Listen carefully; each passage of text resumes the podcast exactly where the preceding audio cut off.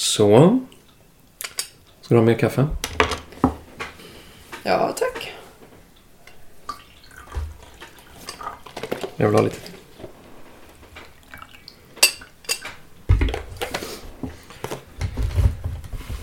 Okej. Lördag morgon. Vi har två stycken mjölktänder som ligger på bordet. Ett från vardera barnen. Ehm, kaffet är klart. Och jag har en spännande fråga till Lena. Vet du vad, jag måste bara berätta att jag hade en dröm. Eh, nu är det så här, vad vi pratar om våra drömmar. Jag dröm, drömmer inte så jättemycket så här spännande drömmar som jag kommer ihåg. Men jag drömmer ganska mycket nu. Och nu kommer jag ihåg en dröm som var om att jag var med någon person som blev så här jättestörd av... Ja, men jag, jag blir liksom så här störd av dina reaktioner. Och då var det typ att jag så skrattade hela tiden. Och så har jag tänkt på det med vårt poddande, att jag garvar ganska mycket. Eh, och så inser jag att det finns någon sån här lite självmedvetenhet kring det. Att så här, det där skrattet. Eh, när jag hör mig skratta, du vet. Ja. Men, eh, och nu skrattade jag igen. Men det är väl okej va? Jag tänker att det är helt okej. Jag ska bara kolla inspelningsvolymen. Eh, du har inte gjort det än. Jo, jag gjorde Det brukar du göra innan. Men den är bra. Ja, precis. Skratt. Och mjölktänder. Det var ett stickspår. mm, det är ett stick- stickspår. Jo, så här. Ehm, jag tänker, jag ska ställa en fråga till dig. Som är... Jag tänker att du, du får liksom förklara det här för mig som, som, som de säger i Pulp Fiction. Så, explain this to me like I was a, I'm a 10 year old. Vad är det för grej i Pulp Fiction som de ska förklara? Jag kommer inte inte ihåg. Jag minns inte Mm. vad det är. Men jag minns det här. Kan du förklara Mm. för mig som en tioåring? Mm. Okej. Eh, vad är feminism? Hmm. Ja. Eh, då ska jag faktiskt sno från min undervisning som genusvetare. Eh, för att eh, jag, jag har en bok skriven av Lena Gemsö. En annan genusvetare som heter Lena G. Ehm, och eh, hon skriver liksom att ordboksdefinitionen av feminism är liksom, består av två delar. Den första är eh, liksom en, en, en förståelse av hur verkligheten ser ut. Och där man då menar som feminist att det finns liksom en struktur som systematiskt underordnar kvinnor och privilegierar män. Vilket inte betyder att alla individer av män och kvinnor liksom är antingen över och underordnade. Men liksom det finns ett, ett spår i samhället som en, en, eh, en tendens hela tiden att bli mer underordnad som kvinna och mer överordnad som män. Allt annat lika liksom. Eh, sen så i och för sig så stämmer ju inte den, den delen av definitionen helt eftersom Alltså man kan ju också, det finns ju liksom en ganska stor klyvning inom feminismen framförallt idag mellan den här mer klassiska feminismen, män och kvinnor och hej och hå. Och det här mer queer-feministiska som snarare handlar om att lösa upp könsidentiteter och sånt och liksom visa på att eh, där, där ligger ju inte fokus särskilt mycket på grupperna kvinnor och män för man är liksom kritisk till hel, nästan hela den indelningen och menar att den är socialt konstruerad. Och där, jag är ju liksom inte inne alls, teoretiskt är ju inte jag inne på det queer-feministiska. Eh, och det betyder inte att, att jag tycker liksom att den queera rörelsen, alltså kampen för hbtqi-personers rättigheter är jätteviktig. Men just det här att lösa upp könskategorier ser inte jag riktigt som vägen fram. Det kan vi prata mer om. Men den andra delen av den här definitionen, ordboksdefinitionen som Lena Gemse skriver om i en av sina böcker, är eh, normativ. Alltså att man vill, eh, man tycker att det är fel att det ser ut som det gör. Om man vill förändra det. Man tycker att män och kvinnor ska ha samma villkor. Så det där är ju liksom den politiska och moraliska dimensionen. Medan den första delen är att man bara hur man ser på verkligheten. Och det är ju för alla håller ju inte med om att det finns ett systematiskt underordnande av kvinnor.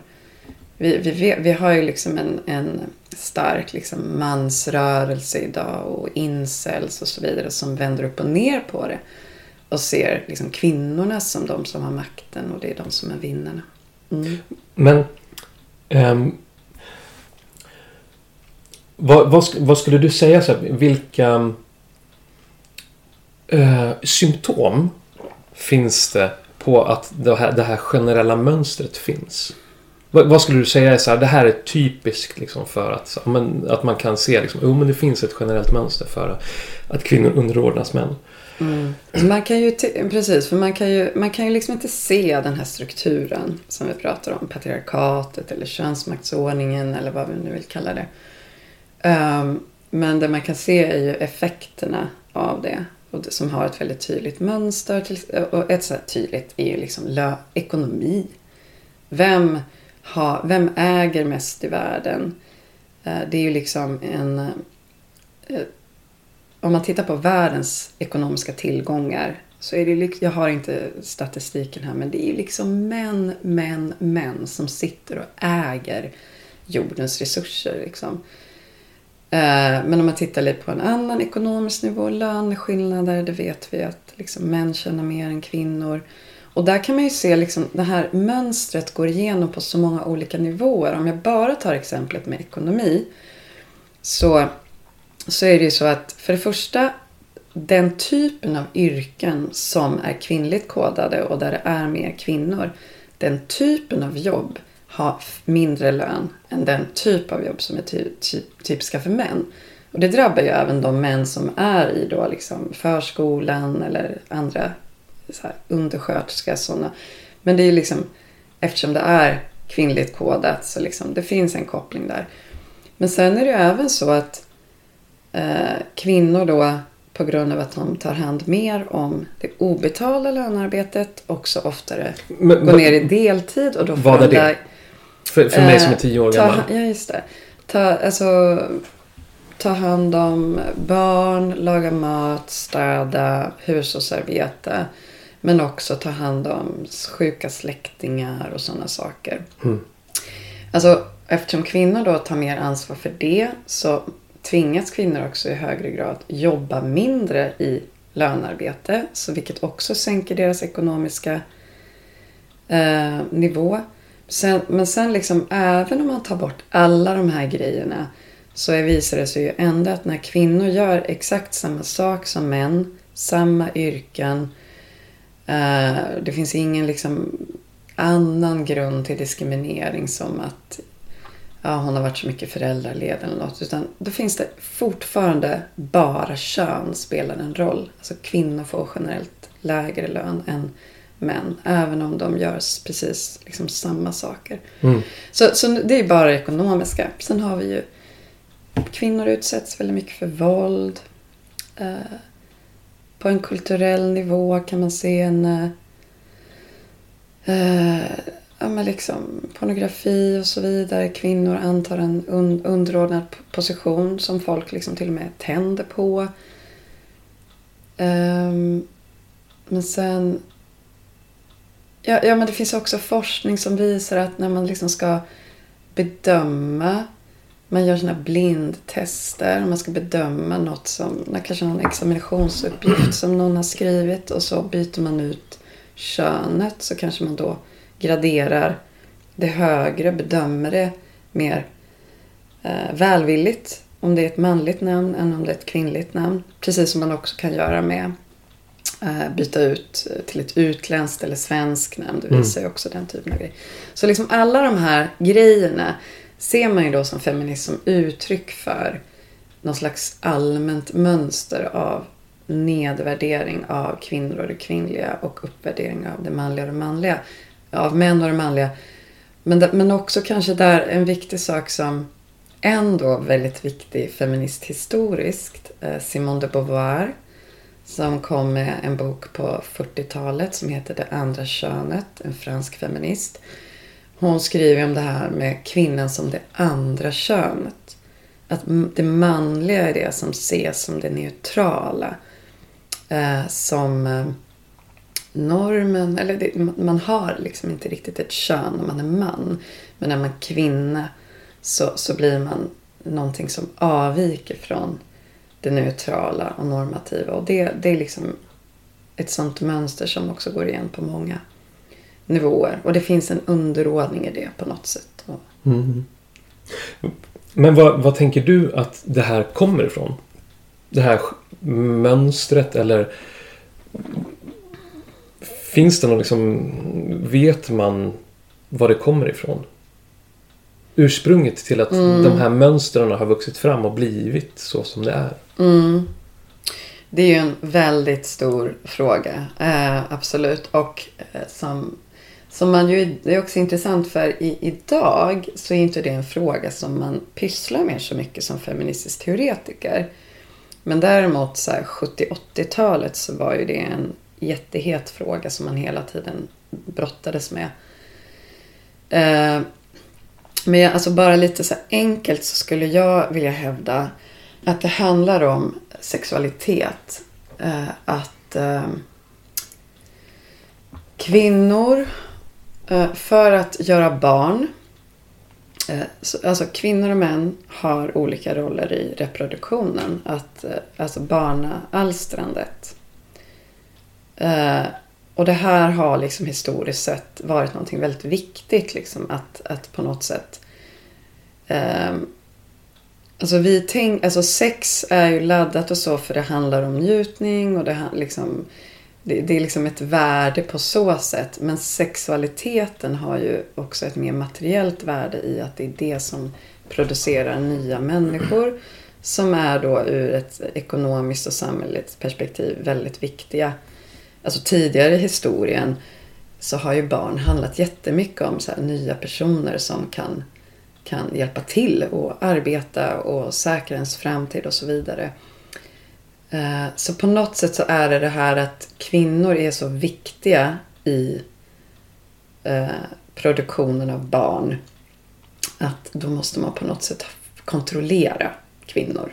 Eh, alltså där menar jag liksom att sexualiteten och kön blir liksom någonting som samhällen och män har haft intresse av att få kontroll över och reglera. Men jag börjar, då, då tänker jag på alltså jordbrukssamhället. Mm. Där man börjar äga mark och så vidare.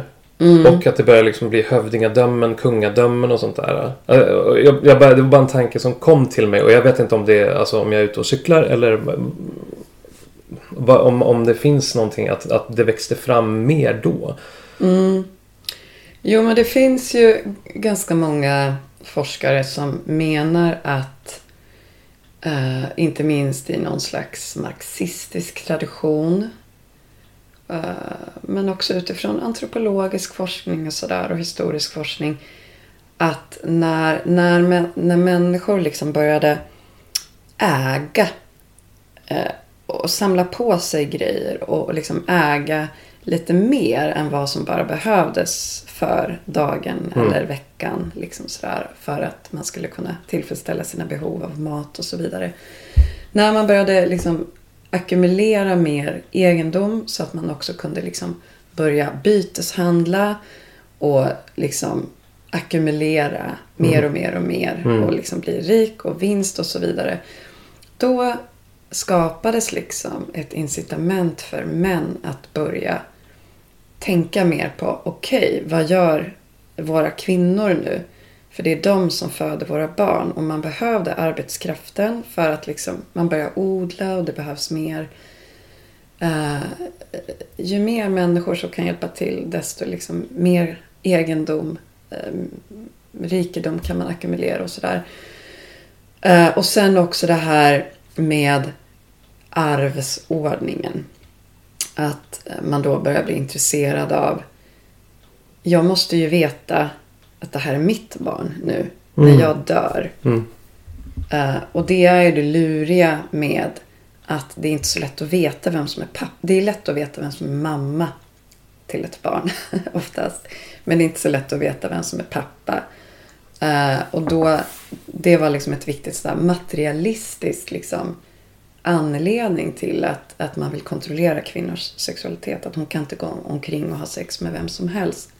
Vilket då många antropologer menar det var väldigt mycket friare tidigare. Mm. Men ha, för jag har ju ett mörkt förflutet inom arkeologi.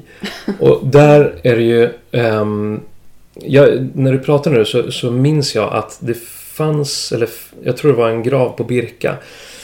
Där det var en kvinnograv som var väldigt rikt utrustad. Det här är verkligen nu, jag kan verkligen ha fel, så, så, um, eller minnas fel här. Men, men jag, har, jag har för mig att det var så här. Och där var det en kvinna som var rik och hon blev begravd, begroven, vad man säger, eh, med en nyckel. Och, nyc- och det här var liksom eh, någonstans i brytningstiden mellan hedna tro eller asatro och kristendom. Och där nyckeln var liksom en symbol för att hon hade ganska mycket makt över gården. Alltså inflytande över så här, men... eh, Alltså hon, hon bestämde en del. Och det, det, nu är det här 15 år sedan, så, eller kanske ännu längre sedan. Eh, och det är kanske andra tolkningar som har kommit vidare. Men jag, eh, jag tror, senast jag kollade in det så... så ja, eh, strunt samma. Eh, kan det, har, har, det, har det blivit annorlunda, eller blev det annorlunda med kristendomens intåg i... Om, man, om vi tar det här landet som vi bor i till exempel. Är, är det någonting som du vet? Alltså jag har inte så bra... Det, det, det skulle jag absolut säga att, att det blev. Men det här är inget område som jag har jättebra koll på. Men alltså alla de här eh, monoteistiska religionerna, kristendom, judendom, islam, liksom, är ju väldigt patriarkala. Ehm, på ett annat sätt än vad man vet om de här mera Eh, Det har ju funnits gudinnedyrkan och sådana här saker tidigare.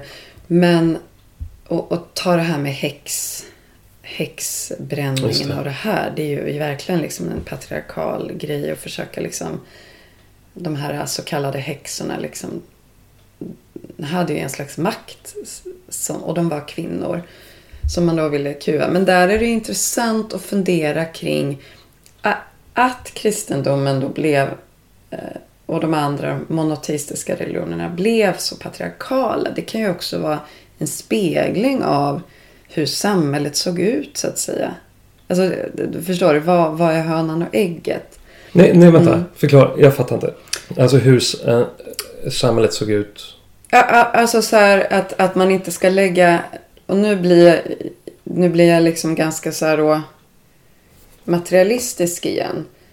Att jag tror absolut att hur man skapar en världsåskådning som, som kristendomen till exempel och om den då är patriarkal och hur Bibeln ser ut och sådär. Det påverkar ju jättemycket med hur människor tänker vad som är rätt och fel och kvinnors och mäns plats och så.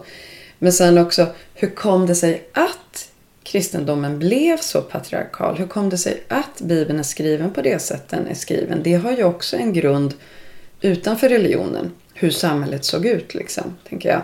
Mm. Som, som kanske också då går att förklara mer ekonomiskt, materialistiskt så. Ja, men då är jag med.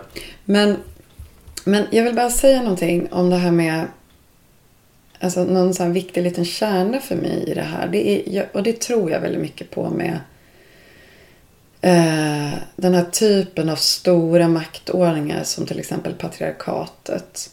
Så handlar det ju... Det finns en dubbelhet i liksom att det här med kvinnors roll i reproduktionen, alltså barnaalstrandet och kvinnors sexualitet. Alltså det anledningen till att det har funnits det här behovet, eller behov, men, men en, en vilja att kontrollera, underordna, eh, ja, få kontroll över det här. Det är ju för att det är någonting väldigt, väldigt viktigt och kraftfullt liksom. Eh, och, och det är ju också därför det, det känns väldigt så spännande. Och, och när man, man vet ju inte så mycket om de här förhistoriska epokerna eftersom det inte finns skriftliga dokument och sådär. Men, men, men, men man vet ju lite grann om eh, man kan spekulera men jag tror man har ganska mycket belägg också för ja, men det här med gudinnekult och sådär. Liksom just den här fruktbarhetsgrejen hos kvinnor har ju också liksom är ju också, ja det är en kraft och det skulle också kunna vördas och det har gjorts. Liksom vördas och gör att kvinnor just får en upphöjd position istället. Och makt. Mm. Vet du vad jag tänker? Nu, nu utifrån en liten psykoanalytisk, ett psykoanalytiskt perspektiv. Alltså det är någonting som, som är hotfullt med kvinnors sexualitet. Stämmer det? Ja, men precis. Och, och jag funderar på så här, om det är utifrån mannens psykologi. Eh, om det finns någonting, för, för många män eh, är ju ganska så här, tycker om prylar, maskiner, eh, saker som är så här från A till B, som är eh, förutsägbar. Man kan sådär, eh, rangordna, ordna in. Eh, förstår du vad jag menar? Mm, mm. Och att många av oss män är liksom lite avskurna från vårt inre. Som är liksom det som är naturen i oss. Medan vi har det här ganska... Eh, och nu är det verkligen på ett generellt plan. Det här är ju jätteolika. Jag, jag identifierar mig kanske inte så här mycket med, med det. Men att det, det, är någonting som är hotfullt som för män vill ofta kontrollera naturen. Alltså, och man, man tänker att man gör det i någon slags välmening också. I någon slags kärlek, till exempel som med biodling. Mm. Det är något så jättetydligt exempel som, eftersom jag har varit inne och är inne i det. Där män går in och eh, man går in och eh, man tar bort till exempel, det här är exempel, man, man tar bort drottningen Eh, man, man dödar henne och sen sätter man till en ny. Eh, man ordnar med kemikalier så att det ska ta död på Varroa. Eh, man, man ordnar och fixar och donar som om det vore en liten maskin som man håller på med. Liksom. Mm. Och jag tror att väldigt många gör det med någon slags känsla av att ja, men jag gör det här i all välmening. Och, och, och, och man, man tänker verkligen att det man gör är bra och sådär. Men det var bara någonting i det som jag kände så här, kan, det här med att, att det är så intellektualistiskt och ett ganska mekaniskt tänkande och att det här som är levande och, och den, den, kvinnliga sexualiteten blir liksom hotfull. Eller jag vet inte, är jag ute och hojar igen? Nej, det vet jag inte. Det, tror jag, alltså det där ligger, det, det, ligger ju i linje med sånt som, som det har skrivits om utifrån alltså, ja, psykoanalytisk feministiska perspektiv men också ekofeminism finns det ju någonting som heter som är väldigt spännande. Uh, och, och, sen så är det väl viktigt att inte alltså, göra det här till något helt essentialistiskt tänker jag. Vad betyder det? Att det liksom män, alltså att, att män intar de här, den här positionen som du pratar om. Alla gör inte det men som generellt att det kanske inte ligger i någon slags eh, manlig natur. Nej. Utan det är mer också historiskt och socialt liksom framvuxet. Mm. Men Ja, alltså ur det psykoanalytiska perspektivet så tycker jag något som är jätte, jätteviktigt och intressant är liksom att konstruktionen av manlighet, maskulinitet, så som en, en man ska vara bygger ju så mycket på att han ska separera sig från modern. Eller från mm. den, eh, alltså den liksom oftast närmsta eh, vårdnadshavaren generellt i vårt sam, liksom vår kultur har ju varit en kvinna liksom. Och är man då pojke så har man ett annat kön och då handlar att bli stor handlar väldigt mycket om att separera från det kvinnliga. Liksom. Och, och förneka beroende. Beroende av andra människor generellt men då framför allt beroende av det kvinnliga. Och Samtidigt som att man då är så beroende av den här modern. Och alltså, där, alltså, det, det går ihop med det här eh, med eh, makten som kvinnor egentligen har. Liksom. Och det är på grund av den makten som man då måste förtrycka, kontrollera liksom väldigt mycket. Men, men, men där tänker jag så här det här att det har vi pratat om i ett annat avsnitt med att, att män ofta lär sig att förneka sitt beroende och sin sårbarhet. Mm. Ett väldigt stort problem. För att om vi, inte kan göra, om vi inte kan vara i kontakt med det och hantera det så blir vi lätt, eh, man blir lätt aggressiv och våldsam istället som ett sätt att hantera sin sårbarhet. Liksom. Och då har vi våld, mäns våld mot kvinnor och hela det paketet. Liksom. Jag, jag var med om en intressant grej eh, som jag kommer att tänka på nu. Det var när jag skulle åka ner till Danmark. Senaste vändan här nu på utbildningen. Och eh, det var problem med tågen och jag hade tur och han med, eller bara på minuten så kom jag med ett, ett tåg som gick mot Mjölby. Och jag hade ingen aning om hur jag skulle ta mig vidare. Och då Ehm, stötte jag på en man som mm, han skulle samma väg som jag. Han skulle också till Helsingör.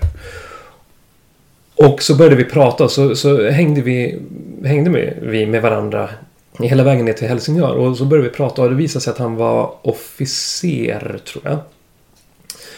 Och um, um, väldigt trevlig. Och så började vi prata och så frågade jag honom om, om, om NATO. Och, och sådär. Och, och vad, vad, tänker du om det där? Och då sa han att um, egentligen spelade det så stor roll vad, vad han tyckte. Utan det, det, viktiga här var att han, han skulle precis gå i pension i höst. Och um, han sa att ja, jag tycker inte om det här med känslor. Men nu känns det faktiskt lite jobbigt att jag ska gå i pension. För jag skulle vilja vara, jag skulle vilja, antingen skulle jag vilja vara um, ehm, 20 år yngre eller 3 år yngre. Jag tycker inte om det här med känslor. Ja, och, och, och, och jag hörde också när... Jag, jag tyckte det var så spännande för, för det var andra där också som var med på tåget som, som jobbar på samma arbetsplats då.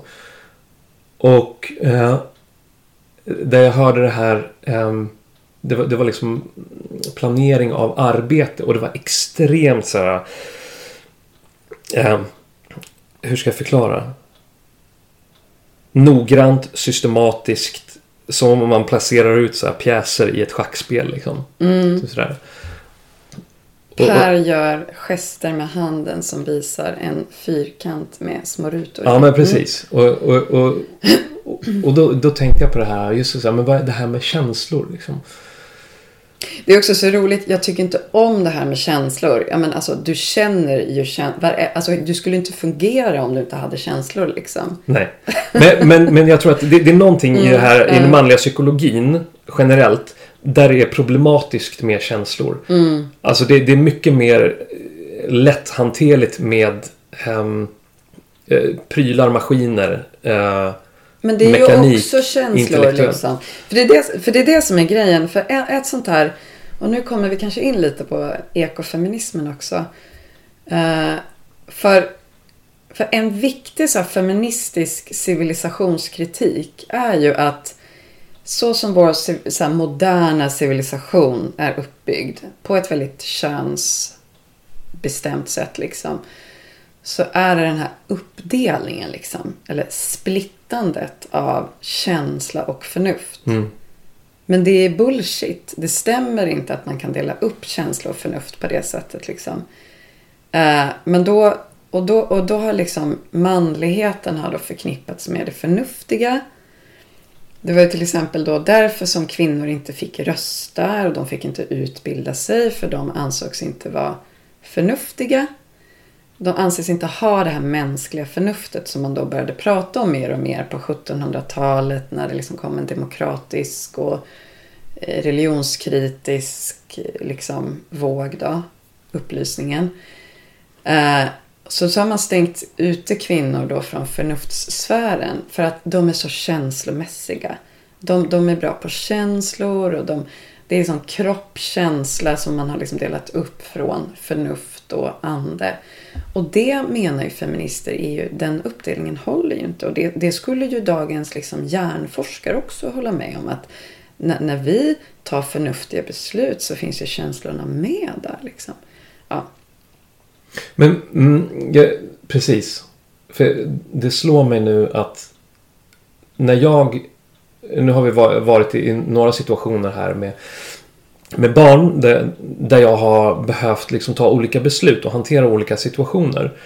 Och, och jag gör ju inte det utifrån en någon slags intellektuell så här, från A till B-grej. Utan det jag gör är att jag, jag stannar upp och bara så okej, okay, nu är det den här situationen. Mm. Och sen så är det som att jag får ett svar i min utifrån någon slags känsla. Eller det är som att tanken hittar rätt på något vis. Mm. Och det grundar sig i någon slags tillit till någon slags intuitiv process. Mm. Där jag säger, okej okay, jag behöver hantera det här förlusten eller den här sorgen som finns hos mitt barn. Mm. Och um, jag, jag, vet inte hur jag ska förklara på något annat sätt. Men, men, men, men det, det är det verkligen... det, Nu pratar du om en situation som uppstod. Ja, men precis. Här, ja. det, med, med, med förluster. Och mm. att så här, ja, men hur, hur fungerar sorg? Hur fungerar... Äh, väldigt mm. så här, mm. intuitivt. Men det krävs... Det krävs någon slags stillhet. För att komma, komma till det. Mm. Och, och, det känns som att, där känner man faktiskt nöjd med mitt föräldraskap. Att jag, men jag, jag märkte att nu behöver jag verkligen ta mig tid till det här. Mm. Jag behöver vara närvarande där och, och liksom lyssna på det inre. Mm.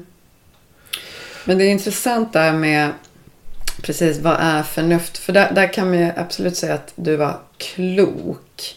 Men sen då det här rationalitet. Ofta i, i den här då kulturen som vi pratar om, modernismen, liksom den här epoken.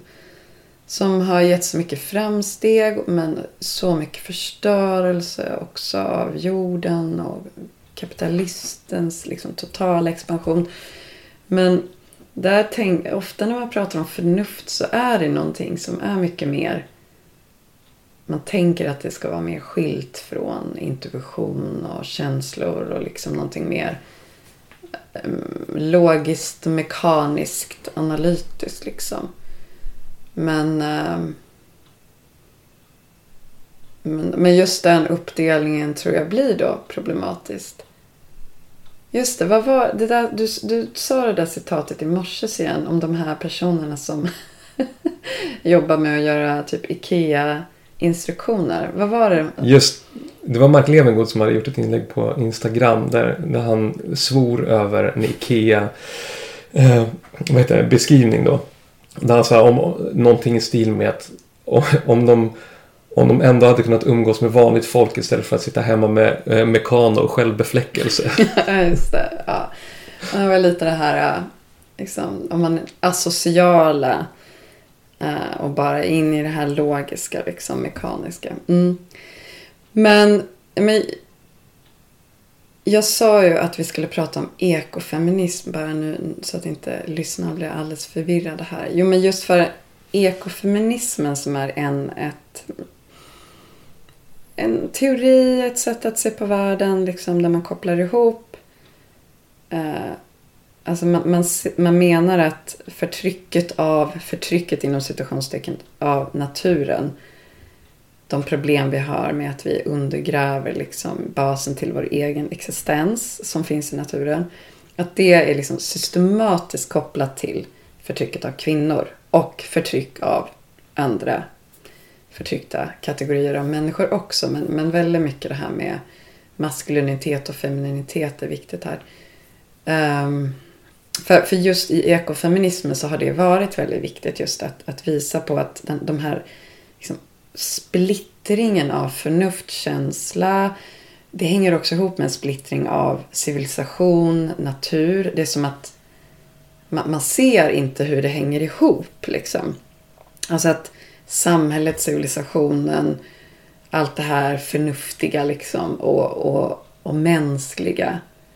Det bygger ju på naturens krafter och resurser och, och logiker liksom.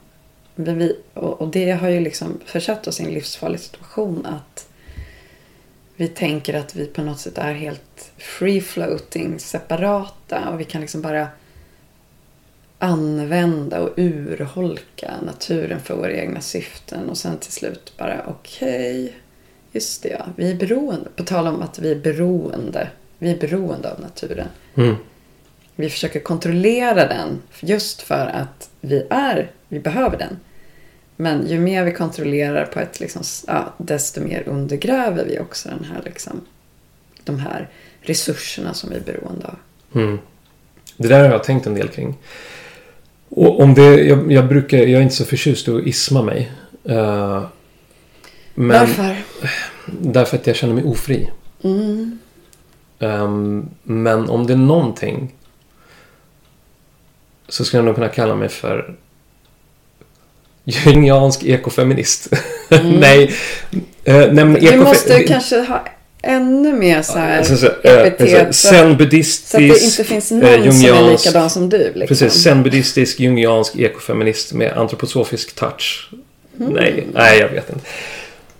Det jag... Och punkare. Tänk... Nej, det är du inte längre. Jo. Är du lite punkare? Uh-huh. Det, det, skulle man behöva lite, ha lite, lite där. Så ja, jag tänker, låter, jag tänker. Du, du, du låter väldigt... Du är ju lite mer rivig än det där låter. Det låter väldigt tröttsamt att vara alla de där grejerna och försöka upprätthålla det där. mm. Så det, men okej. Okay. Alltså eh, ekofeminismen. Eh, eh, det lilla som jag har läst om det. Så är det någonting som jag känner att um, det resonerar med mig. Alltså det är någonting som känns, ja men jag känner igen det här på något vis. Och, och det är just det här med eh, men så som vi behandlar vissa typer av djur. Eh, till exempel kossor. För att få, eller för att ta mjölk. Som vi inte ens behöver som vuxna människor. Eller ens barn. Alltså man, man, man tvångsinseminerar kossan. Man, ähm, man låter henne vara dräktig. Och sen när hon väl har fött sitt barn så tar man kalven ifrån henne. För att vi ska kunna ta mjölken.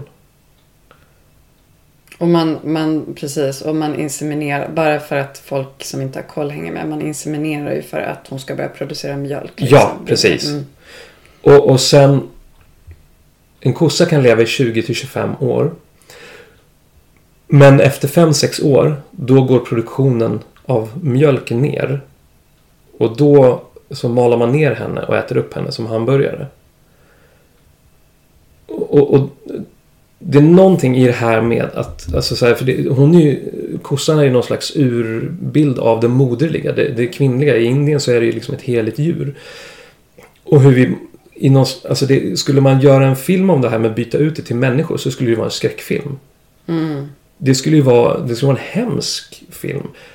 Och, och det här gör vi i någon slags syfte av att vi, vi, behöver dricka mjölk. Alltså vi har behövt göra det. Jag säger, jag säger inte så här, en gång i tiden så var det så här, det, det var eller man började faktiskt dricka mjölk först för hundra år sedan ungefär. Var... Alltså om man har dåligt med mat så är det väl en bra energi liksom. Ja, men då och, gjorde man ost mm. av det. Ja, det. Men, man, man, drack inte mjölk. Det var, liksom, det var lite ohyfsat. Man kunde ge en skvätt mjölk till gamla och barn. Mm. Men man gjorde ost av det för att det var längre hållbarhet. Om man säger för 100-150 år sedan. Mm. Um, det var först eh, vid en utställning i Stockholms... Jag kommer inte ihåg. Jag, jag var faktiskt med och grävde. Arkeologisk grävning på den. Stockholmsutställningen tror jag hette någonting sånt där som var för hundra år sedan.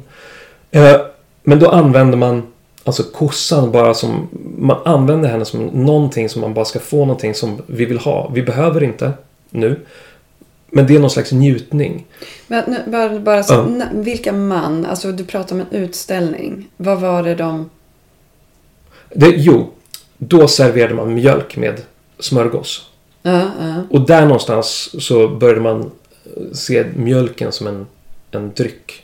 Mm. att dricka. Innan så gjorde man inte riktigt det. Men va, var serverar man mjölk? På den här utställningen, som Ja. eh, något slags, jag kommer inte exakt ihåg vad det var, men det var i Stockholm på, var det Djurgården tror jag, så hade man liksom någon slags typ av utställning för hundra år sedan. För hundra år sedan. Ja. Du sa inte det. Nej, okej, för Nej. hundra år sedan. Mm. Och eh, det kan vara så. Jag, jag, jag, jag ber om ursäkt om, om jag har lite fel här. Men jag, jag talar ur minnet och det är liksom lite fragmentariskt och sådär. Men, eh, men i vilket fall som helst, man har inte druckit mjölk i alla tider.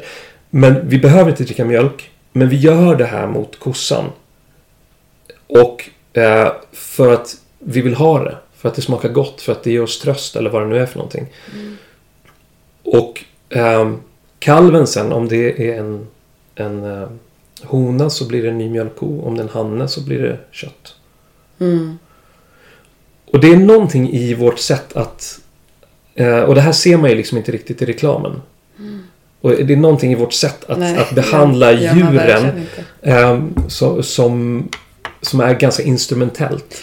Och bara också det här, när man inseminerar, då kör man in någonting då i, Alltså i så här, så, som jag har förstått det. Jag har, jag har inte gjort det själv och jag har inte varit med om det. Men man använder ju inte en, en tjur då som Nej. betäcker. Utan man, man stoppar då in armen i ändtarmen på kossan för att hålla fast livmodern. Och sen så tar man då en pipett med, Okej. med sperma från tjuren och inseminerar med.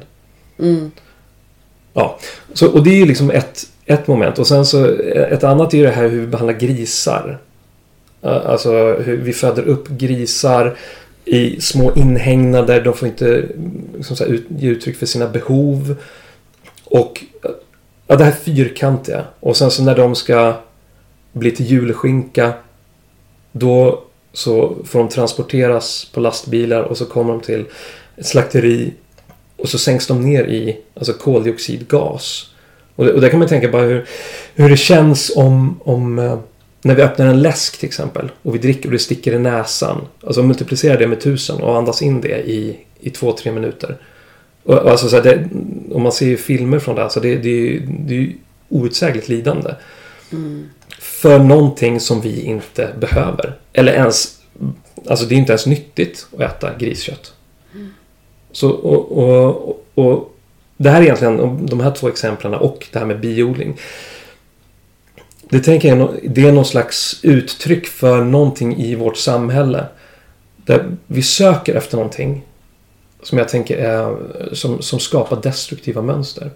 Det är någonting i människan. Jag har tänkt på det här med till exempel med grädde. Så här, det är som att själva syftet med det är att kalven ska växa så det knakar om det. Och det innehåller massa ämnen som gör att kalven mår bra. Den vill dia, den, den vill dricka mjölken, den får liksom samma, på samma sätt som, som när ett barn får dia.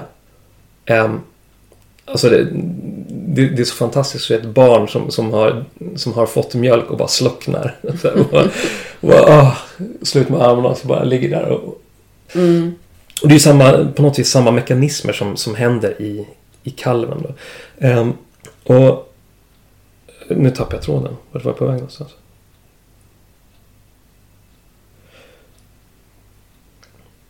Jo, alltså mjölken ger den här upplevelsen av eh, mamma. Kontakten med mamma. Och jag undrar om det finns någonting i oss. Där vi har blivit avskurna från någonting Mm. i oss själva. Där kött, mjölk ger en känsla av alltså att, att vara om, omhuldad, Mm. kramad. Alltså att vi, vi längtar efter någonting som det här ger oss. Mm. Det här med alltså, så att få äta massor med tårta och bli sådär... Mm. det, är som ett, det är som ett tjockt moln av bara fett som ligger runt oss och som skyddar oss mot världen. Mm. Och det är alltså om man tittar på så här, hur, hur stor övervikt är det inte i Sverige. Det är liksom över 50 procent tror jag av Sveriges befolkning över 40-50 som, som är överviktiga eller Mm. bär på fetma. Vad, vad är det vi söker för någonting? Vad är det vi längtar efter som vi tror att vi hittar i maten? Och som gör att, att vi suger ut liksom naturen och bara våldför oss på naturen på ett sånt här våldsamt sätt. Det är så intressant också hur också det här med sexualiteten återkommer här liksom. Och, och då, för, för sexualiteten är ju så central i, i feminismen. Mm. Alltså det är ju någonting där som är liksom kärnan om vi ska förstå könsmaktsordningen.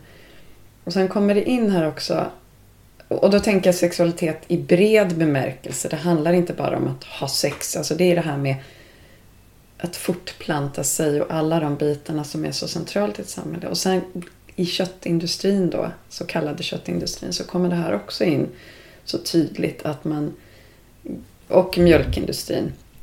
Ja men det här med vi får mer kött om om de eh, fortplantar sig och vi får mer mjölk och liksom att sexualiteten är den här produktiva kraften då som, som, som ska, kan skapa liksom ekonomiska värden och, och som, som man då på något sätt Ja, och hela vårt samhälle är ju liksom styrt så mycket. Inte bara då utifrån patriarkatet utan även från väldigt mycket då kapitalistiska principer. Av att liksom utvinna ekonomiskt värde på kort sikt. Mm, Mycket. mm. Eh, istället för att liksom respektera naturens långsammare rytm som liksom behövs för att i grunden kunna producera allt det här som vi på något sätt tar. Liksom. Så spännande med olja. Tänk, tänk så här, hela vårt samhälle är uppbyggt kring olja, skulle man kunna säga. Inte hela, men, men alltså petrosamhället. Och, och det är så intressant, man pratar ju också om petro, alltså petroleum, petromaskulinitet nu. Att Mm. det är ju liksom maskuliniteten, män är ju så starkt kopplade till bensin. Liksom all, det här liksom, det är männen som kör mer bil, männen gillar motorer. Det, det är liksom, männen är de som eh, är mest drivande i det här eh, fossila liksom beroendet. Och den här oljan som ligger i jorden och som vi då bara liksom den, den, hur, hur länge har du som har bättre koll på här, hur länge har den legat där och bli, för att bli olja? Det är Ja, liksom, typ 400 miljoner år. ja, det är liksom naturens... Det ligger en massa energi liksom som kommer från växter. Och, och så har det liksom bara lagrats och lagrats och så är det bara poff, fullt, så här sprängfyllt av energi som vi bara yes, nu kör vi. Ja. Och så miljoner, miljoner år har det tagit för den där energin liksom att ansamlas. Och eh, det är en sån fantastisk bild av hur skevt, hur obalanserat det är. Hur, hur mycket, all den här energin vi vill ha och förbruka. Liksom. Mm, men jag, jag tänker bara just det här med om, om man tar liksom, oljan. Om man tar hur vi behandlar kossor. Hur, eh, hur vi behandlar grisar. Biodlingen. Så finns en, det finns liksom någon slags principer i vårt förhållningssätt som liknar vårt förhållningssätt gentemot kvinnor. Det, det finns liksom eh, det här med att, att kvinnan är ett objekt. Mm. Som är en resurs. Som ska, som ska vara till för njutning. Mm. Som ska vara till för um, någonting annat än bara ett värde i sig självt. Mm. Jag tror där någonstans det, det som, jag, det, som gör att jag skulle nog kunna säga att jag är typ ekofeminist. Mm. Typ. Men jag, precis, och bara så att det blir klart för folk med den här, en, en sak som jag, sen är jag ganska nöjd tror jag, vill lyfta fram också med kopplingen mellan det här miljömässiga, ekologiska och könsgrejen här. Det, det är liksom att den här typen av oavlönat arbete som kvinnor väldigt mycket är de som har gjort liksom genom historien. Alltså att, eh, och idag det här jobbet som inte syns. Typ så att ta hand om, snyta ungarna, packa gympapåsen, eh, laga maten, städa varenda jäkla dag. Städa, städa, städa. Det märks inte, det syns inte. Man bara upprätthåller liksom livet. Eh, Medan männen, de bara startar företag, producerar varor, gör stora planer, krigar och så vidare. Nu, Mm, nu spetsar jag mm. till men liksom, det är ju så uppdelningen sett ut. Och hur man då hela tiden förnekat hur viktigt kvinnornas jobb är. Det här som inte syns. Att om inte hon lagar den där jäkla maten till gubben så kan ju inte han eh, göra det här fantastiska jobbet han gör på sitt företag eller kriga eller vad han nu gör. Liksom. Eh, så det, alltså det finns, det är precis samma grej med det här att, att vi förnekar eh, vi förnekar beroendet av naturen och den vi, bara använder det som ett objekt och liksom glömmer bort att det, liksom, det finns den här grund, det är grunden vi står på. Det är samma med det typiska kvin, så kallade kvinnoarbetet som ju män också kan utföra, absolut. Eh, allt det här liksom upprätthållande arbetet, ta hand om människors behov och hej och hå. Hur man liksom bara förnekat att det skulle vara viktigt, till exempel ekonomiskt, socialt, politiskt, liksom för den stora världen. Men egentligen är det det allting vilar på liksom. Eh, så där finns ett parallell tänker jag. Mm. Um. Va, va, jag har faktiskt en fråga. Till. Mm. Vad var det som gjorde att du kom in på feminism? Att jag är kvinna kanske? I ett patriarkat? Då tänker jag att eh, om man är någorlunda in touch så blir man feminist. Om du skulle säga så här, om jag, om jag inte skulle vara lagd åt det feministiska hållet. Och säga att jag, eh, att jag är en medelålders man. Vad skulle du säga, alltså, varför skulle det vara viktigt för mig att att skapa ett mer jämlikt samhälle? Jämställt då? Alltså ja, jämställt kanske. Mm. Mm. För dig som man. För, alltså det, det, ja, det här, var vi inne på det i något annat Ja, avsnitt? vi tangerade ja. det tror jag. Ja, men precis. Jo, men det här med männens uh, skuld eller vad det var vi pratade om.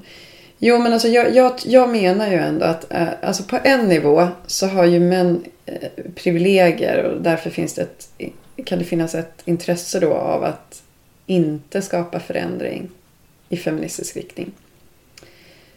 Men skalar man ner saker lite till någon slags basic kärna så menar jag att alla vinner på jämställdhet och jämlikhet i, i, i vidare mening. Eh, alltså, för då kan vi få mer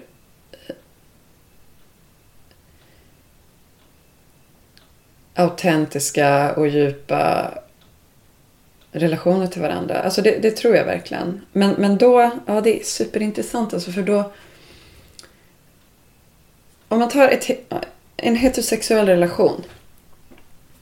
Om en man har kontroll över kvinnan. Om en man har mer makt över kvinnan så är det, kan ju det liksom ge vissa, ja men, ah, hon ställer upp på sex när jag än vill. Till exempel. Vi tar det som Eh, men det han förlorar då är ju liksom att eh, grunden för att hon har sex med honom då kanske inte kommer ur det här att hon verkligen tycker att han är så attraktiv och upphetsande och att hon njuter och det är fantastiskt.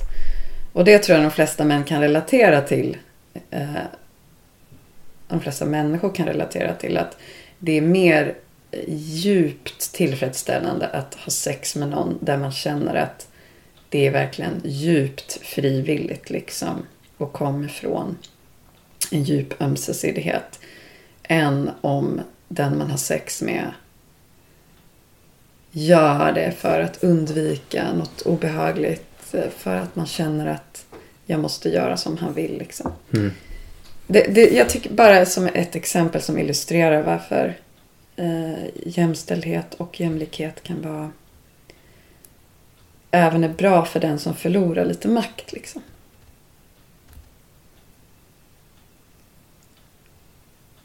Mm. Så det, det är ju ändå... Där har jag ju en ljus syn liksom. Trots all jävla skit i världen liksom. Så, så har jag ändå en ganska ljus grundsyn där. Precis. Jag, tänkte bara på det här just här med, med den här med frivilligheten. Att det är liksom en, en grej, det, det exemplet som du gav mm, är det här med att eh, den här relationen. Och sen så kommer jag tänka på det som du har arbetat med just med sugar dating. Alltså det är en annan variant av det. Att man, man det. köper någonting. För, det. för, för att få någonting. Men och det är ju liksom man har makt genom att man har pengar